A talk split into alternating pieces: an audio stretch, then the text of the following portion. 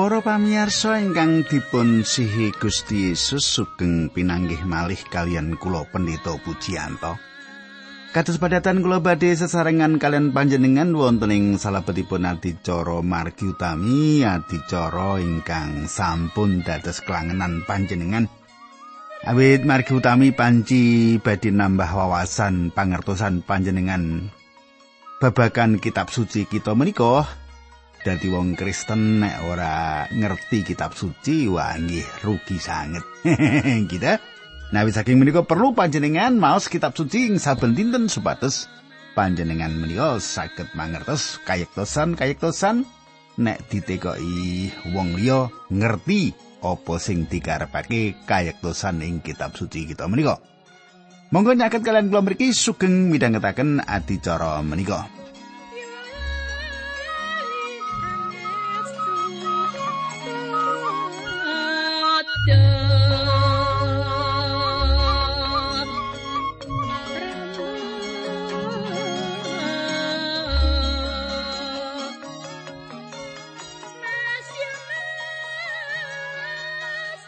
Para pamirsa menapa panjenengan tasih kemutan menapa ingkang kula aturaken duk pepanggihan kepengker menika nggih.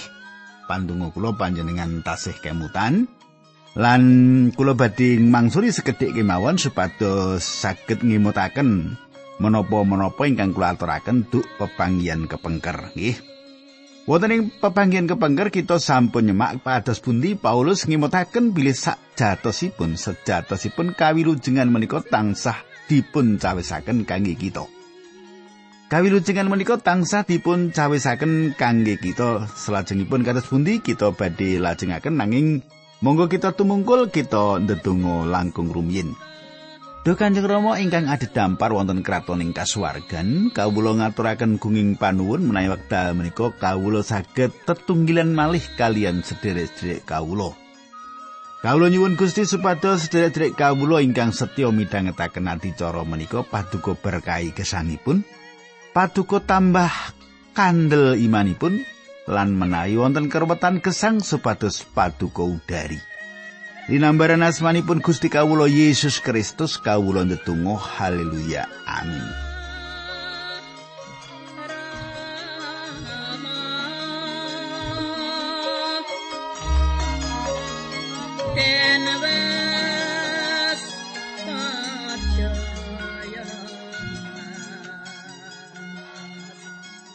Para pamirsa samenika pasinaon kita sampun lumebet sampun ngancik ing serat rum sedoso. Ayatipun songo lan ing dinten menika kula waosaken wiwit ayat songo lan salajengipun mangke ngantek wektu nentek. kita wektu sing dipun paringaken radio menika telas ngaten nggih. Ayat songo sepuluh rum sepuluh nggih menika ing basa pedinan kula remen basa pedinan gampang ditampa nggih. Menawa lambemu padha ngakoni yen Yesus kuwi Gusti lan kowe percaya ing sadrone atimu yen Gusti Allah wis mungokake Gusti Yesus saka ing sedo, kowe bakal slamet. Sebab kita percaya ing sadroning ati kita temah kita padha karukunake karo Gusti Allah lan kita ngakoni srana lambe kita temah kaslametake. Para pamirsa kathah tiang ingkang ngotot Bilih minangka jejeripun tiang pitados kedah meratelaken pengaken iman wonten ing ngajengipun umum. Mboten kados makaten ingkang dipun kersakaken Rasul Paulus sing mriki, ingkang dipun kajengaken inggih menika mboten tampil, mboten nedahaken wonten ing ngajengipun umum. Paulus mboten gadah kekajengan panjenengan kedah ngakeni dosa panjenengan wonten ing ngajengipun umum, mboten.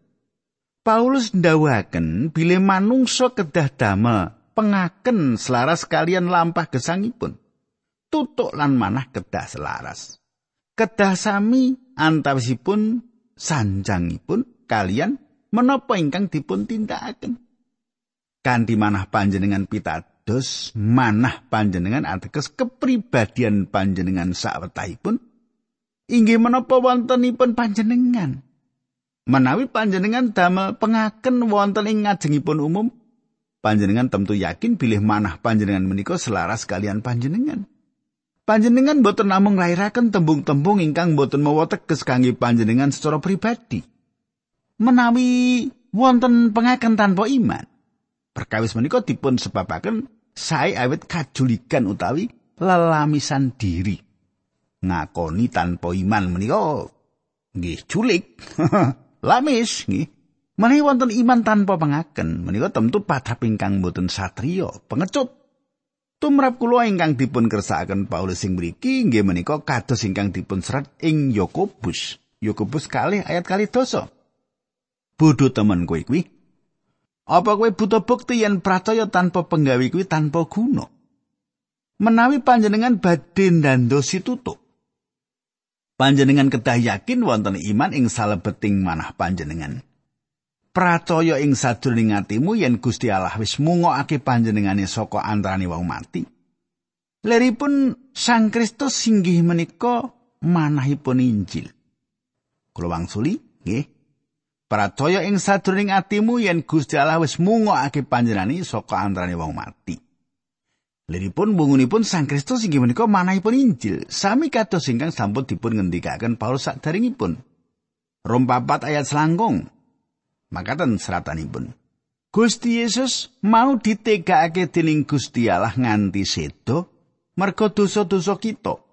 Panjenengane kawungake saka sedo supaya ngrukunake kita karo Gusti Allah. Nah kadang kula menika ingkang dados seratan Paulus samenika kita lajengaken seratan Paulus bab sedosa ayat 11 serat Rom. Makaten surasipun. Kitab suci nyebut sing sapa percaya marang panjenengane ora bakal kecuan. Para pamirsa, Paulus nyuplik menapa ingkang dipun serat ing Yesaya 28 ayat 16, bentenipun ingkang ditulis mboten awit Paulus ngribah cuplikan menika, nanging awit tembung ngidapi-dapi lan inggal menika sami. Deripun inggih menika mlajeng awit raos. Paulus nyuplik saking Yesaya Tujuanipun inggih menika ngiyataken menapa ingkang sampun dipun pratelaken saderengipun. Awit kayektosan iman ingkang dipun wucalaken ing perangan sanes saking perjanjian lami. Perangan menika ugi nedahaken sifat universal kawilujengan ing jagat, sifat umum. Sing sapa nggih menika umum sifatipun sinten kemawon saged Kula lajengaken ayat 13. Pangandika kuwi kanggo saben wong sebab wong Yahudi wong kafir ora ana bedane. Gusti Allah kuwi mung siji ya kuwi alae wong kabeh panjenengane sing berkahi kelawan luber marang saben wong sing nyebut panjenengane. Para pamirsa, mboten wonten bentenipun ing antawisipun bangsa Yahudi kalian bangsa Yunani utawi sanes Yahudi. Sedaya dosa lan sampun kecalan kamulyanipun Gusti Allah. Sedaya dosa. Bangsa Yahudi ya dosa, bangsa Yunani ya dosa, nggih. Sedayanipun menawi ngersakaken dipun wilujengaken kedah sowan kanthi cara ingkang sami dumateng Sang Kristus. Panjenengan boten saged sowan dumateng panjenenganipun kanthi tata cara perjanjian lami, upacara-upacara perjanjian lami utawi kanthi angger-angger Musa boten saged. kawilujengan dipun paringaken dumateng sedaya tiang atas landesan kamirahan. Inggih menika awit saking iman. Panjenengan pirengaken lan pitados dumateng Injil. Nah, ayat 13 Rom 10. Ayat ing kitab suci uga nyebutake mengkene saben wong sing nyebut asmane pangeran bakal selamat. Para pamirsa, Pratela menika saestu ngidapi-dapi lan dipun pendet dening Paulus saking perjanjian lami. Panjenengan mertos nggih menika saking Yuel kali ayat 3 dosa kali. Ayat menika dipun pendet kangge ngiyataken menapa ingkang dados pamanggihipun bilih kawilujengan menika saged dipun tampeni krana iman. Menika kangge nyethakaken bilih sae tiang Yahudi ugi sanes tiang Yahudi kedah sambat dumateng Gusti. Nyebuto marang asmani Gusti. leripun pitados dumateng Gusti Yesus Kristus. Cetha nggih. Kula lajengaken ayat 14. Wah, jenengan pinter tak tambah-tambah inggih. 14 15 nggih. Nanging kepriye biasane wong padha nyebut asmane Gusti Allah menawa durung padha percaya. Lan kepriye bisane padha percaya yen durung tau padha krungu pangandikane. Lan kepriye nggone padha bisa krungu pangandikane yen pangandika mau ora diwartakake. lan kepriye nggone diwartakake yen ora ana sing diutus martakake pangandikane kitab suci mengkene iba becike wong sing padha teka nggawa pawarta becik Para pamirsa, kita perlu mangertos kalenggahanipun Paulus sing salebetipun nyemak ayat menika. Bangsa Yahudi, bangsanipun piyambak sengit dumateng Rasul Paulus sinaosa bangsa menika ngajeni Saulus minangka jejeripun tiang Farisi. Paulus nedahaken nalar kalenggahanipun. Bangsa menika nampik karasulanipun kangge ngabaraken Injil ingkang ngicali angger-angger Musa ingkang tambah awon ingkang dados pahamipun tiang Farisi. Paulus nedahaken kedahipun wonten utusan-utusan Injil ingkang nampani mandat saking Gusti Allah. Paulus miwiti serat kintunan menika kanthi ngageni bilih piyambakipun dipun timbali kangge dados rasul Yesus Kristus. Panjenengan caket semak Rom siji ayat setunggal. Selajengipun dipun sarengi kalian keterangan-keterangan ingkang mlebet ing nalar. Para pendito dipun utus kanthi tujuan supados kathah tiyang mirengaken lan selajengipun pitados. Awit para pendito menika mangertos kados pundi caranipun nyebut asmanipun Allah. Paulus nedahaken kanthi pas gegayutan perkawis pitados awit saking menika inggih ingkang kados makaten menika ingkang kedahipun wonten ing salebeting penginjilan. Para pamirsa, Paulus nutup perkawis ingkang sekedhik mlebet nalar menika kanthi nyupik saking Yesaya seket kalih ayat pitu ingkang ngelipun makaten cepi panjenengan katosaken. Hebo oleh nyenengake tekane wong sing gawa pawarta katentreman sing bungahake. tekane wong mau nasak gunung-gunung kandhane Allahmu jumeneng raja. Para pamirsa cuplian menika ngrumiyini seketiga pasaya saya ingkang ngeram-eramaken ingkang ngemot pamecopati lan wungunipun Sang Kristus. Yesaya anggenipun bikak kanthi miwiti meratelaken bilih sang nabi mangu-mangu. Cobi panjenengan semak Yesaya 53 ayat tunggal. wang sulane umat Allah sapa sing ngandel karo kabar sing kita rungu lan sapa sing ngerti yen kuwi kabeh pakaryane Allah Angger-angger Musa sampun tentu sanes satunggalipun pawartos ingkang sae saking pawartos sae nanging angger-angger Torat menika pelados babagan pati. Para pamirsa, kula pitados bilih program radio menika penting. kula giaran-giaran menika penting. Lan kula ngelanggengaken peladusan kula menika wonten ing mriku. Kula ngrasaken radio menika penting kangge martosaken pangandikanipun Allah dumateng sederek-sederek ingkang betahaken. Kita saged minggah gunung, njajah daratan, lumampahing toyo ingkang jembar kangge martosaken Injil. Kita saged lumebet ing griya-griya. Kita saged lumebet ing mobil-mobil ing papan-papan bisnis. Saestu endah. Raosipun martosaken pangandikanipun Allah menika. Nah kadang kula kita lajengaken ayat 16 rum sedoso. Nanging ora kabeh wong padha gelem nampa pawarta becik mau. Nabi saya dewi ngendika duh pangeran sinten ingkang badhe pitados dhateng pawarta ingkang kawula wartosaken. Para pamirsa sawetawis kita tasih gumun ningali kathahipun tiang ingkang nyukani mangertos kita bilih tiang-tiang ingkang sampun nampeni Sang Kristus sawit menapa ingkang kita tindakaken. Nanging wekdal kita ningali gunggungipun tiang sawetaipun kasunyatanipun tiang-tiang ingkang pitados sawit pelatusan kita menika sekedhik sangat sinten ingkang pitados dumateng pawatas kita? Mboten kathah kateng kula. Gitu kula-kula wih ketok akeh banget puji Tuhan gitu Ah wong satu sing percaya wong limo piye gitu limo ki akeh jare niki lah. Nah, kita lajengaken ayat 17. Dadi percaya kuwi tukule mergo krungu pawarto lan pawarto mau piwulang bab Sang Kristus. Oh, gatos menapa pentingipun perkawis menika. Iman mboten dateng saking mucalaken filsafat utawa psikologi. Utawi sawetawis sobat manjur kekayutan politik nggih politik rak janji-janji gitu. Iman menika tuwuhipun saking martosaken pangandikanipun Gusti Allah. Saderengipun panjenengan mirengaken pangandikanipun Allah, panjenengan boten saged dipun milujengaken. Nah, kula lajengaken ayat 18. Saiki aku takon apa wong-wong kuwi durung krungu pawarta mau.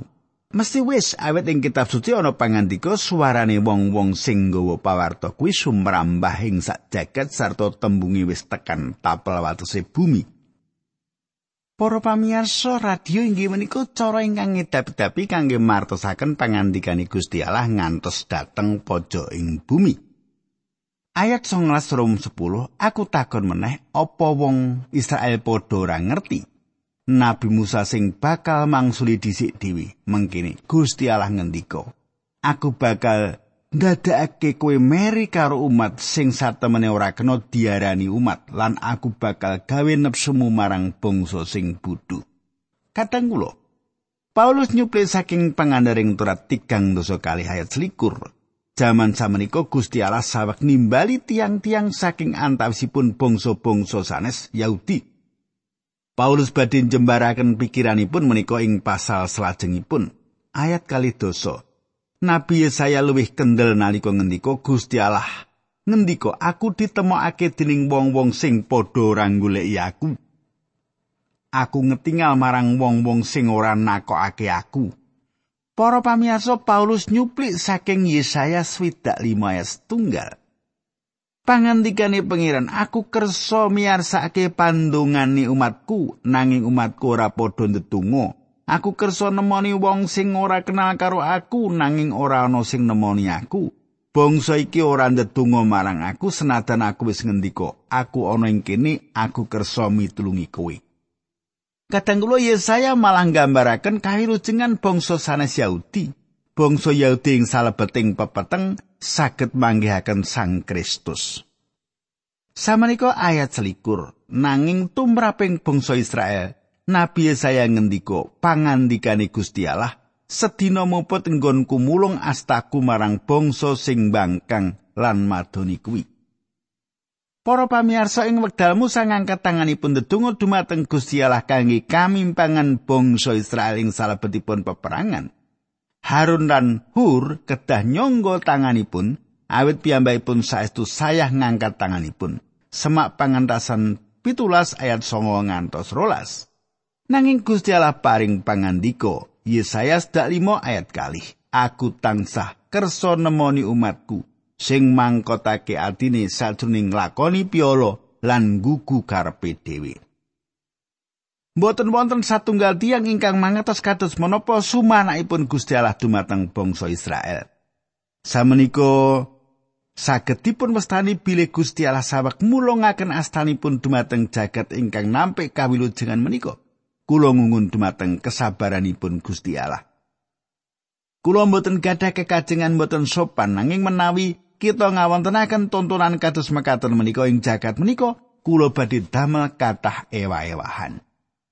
Sabenika kita lumebet ing rum 11 katanggulo, kita badhe ningali bilih Gusti Allah kagungan kersa mangsa tembe Israel, masa depan Israel. Ing salebetipun pasal songo kita ningali gegayutanipun jaman kepengker antawisipun Gusti Allah kalian bangsa Israel. Ing pasal sedaya kita ningali gegayutanipun Gusti Allah kalian bangsa Israel ing wanci menika. Sisa bangsa Israel nampeni kawilujengan. Saged ugi panjenengan ngendika wis mesti gunggunge sithik. Gunggungipun langkung ageng tinimbang kalian menapa ingkang panjenengan kinten. Kinten kenen wonten gang sawah suto bangsa Yahudi ing saindenging jagat. Lan presentasi bangsa ingkang pitados saged ugi langkung kathah ketimbang tiang sanes Yahudi ingkang gunggungipun sekawan miliar. Kita ningali bilih bangsa menika nampik Sang Kristus lan kayektosan dening iman Allah ing salebeting Sang Kristus ingkang dipun paringaken dumateng bangsa-bangsa menika. Wonten pitakenan-pitakenan ingkang tuwa limrah menapa Gusti Allah salami-laminipun nampik bangsa Yahudi minangka jejeripun bangsa. Kanthi tembung sanes, menapa bangsa Israel gadah mangsa tembe. Kaping kalih, menapa sedaya janji ing salebetipun perjanjian lami dipun batalaken kanthi dipun tambahipun bangsa Israel. Emot Bilih ing salebetipun perjanjian lami Gusti Allah paring janji utamanipun dumateng bangsa Israel. Panjenenganipun paring pangandika bilih bangsa menika bakal dados kepala sanes buntut bangsa-bangsa semak pangandaring Torat 28 ayat 13. Sedaya janji ing salebeting perjanjian lami badhe dipun ganepi secara harfiah. Samenika ayat 1 saking Rom 11. Yen mengkono aku takon apa kirane Gusti Allah wis nampe umate bangsa Israel? Babar pisan ora. Aku dhewe iki ya wong Israel tedak turune Roma Abraham saka talar Benyamin. Para pamirsa umat pundi ingkang Paulus kersakaken? Israel. Paulus piyambak meratelaken bukti. Rasul Paulus inggih menika tiang Israel sejatos saking keturunan asli. Rasul Paulus inggih menika tedak turunipun Abraham, asalipun saking salah setunggal karyawan suku Israel, inggih menika Benyamin. Salah satunggal saking talaring kang boten nate nguwalaken badan piyambak saking bangsa menika. Rasul Paulus 100% tiang Israel. Tembung babar pisan ora panci langkung saged dipun pitados. Emut Gusti Allah dereng bucal bangsa Israel minangka jejeripun bangsa. Ayat kali lan Gusti Allah ora nampe umate sing wis dipilih wiwit-wiwitan mula.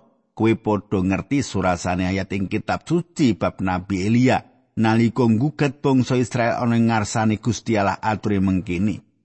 Duh pengiran tiang Israel menika sampun sami mejahi nabi-nabi paduka, mengkaten ugi sampun sami ngrisak mesbeh-mesbeh paduka ngantos kantun kawula piyambak ingkang tasih gesang mongko tiang-tiang menika samenika inggih ngangkah mejahi kawula. Para pamirsa Paulus ngagem Elia minangka pasemon lan pasemon menika sae sanget. Elia wonten ing pihakipun Gusti Allah lan piyambakipun piyambak wonten ing pihakipun Gusti Allah lumawan kawan atau seket nabi Baal. Imut nggih menika nggih. Lan Elia ngaturaken sedaya menika dumateng Gusti. Elia matur Gusti makaten. Duh Gusti, kula piyambakan namung kula ingkang kantun Gusti Allah paring pangandika sabar manutku kowe ora dhewean. Manut kowe kowe dhewean. Nanging sejatine ora. Gitu ayat sekawan. Nanging kepriye wangsulane Gusti Allah marang Nabi Elia pangandikani isi ana wong pitung ngewu sing ndak ngengeh kanggo aku dhewe sing durung tau nyembah marang Baal. Katenggulo Elia babar pindah emut bilih Gusti Allah makarya ing salebetipun manah pitung ewu tiang jaler. Menawi wonten pitung ewu tiang ingkang boten manembah Baal pramila wonten kirang langkung lipet kalih gungungipun inggih menika wanita ingkang boten manembah Baal. Menawi panjenengan presentasi akan tumrap kerajaan Siselar menika satunggalipun sisa ingkang cekapaken ing jaman Ahab lan Isabel.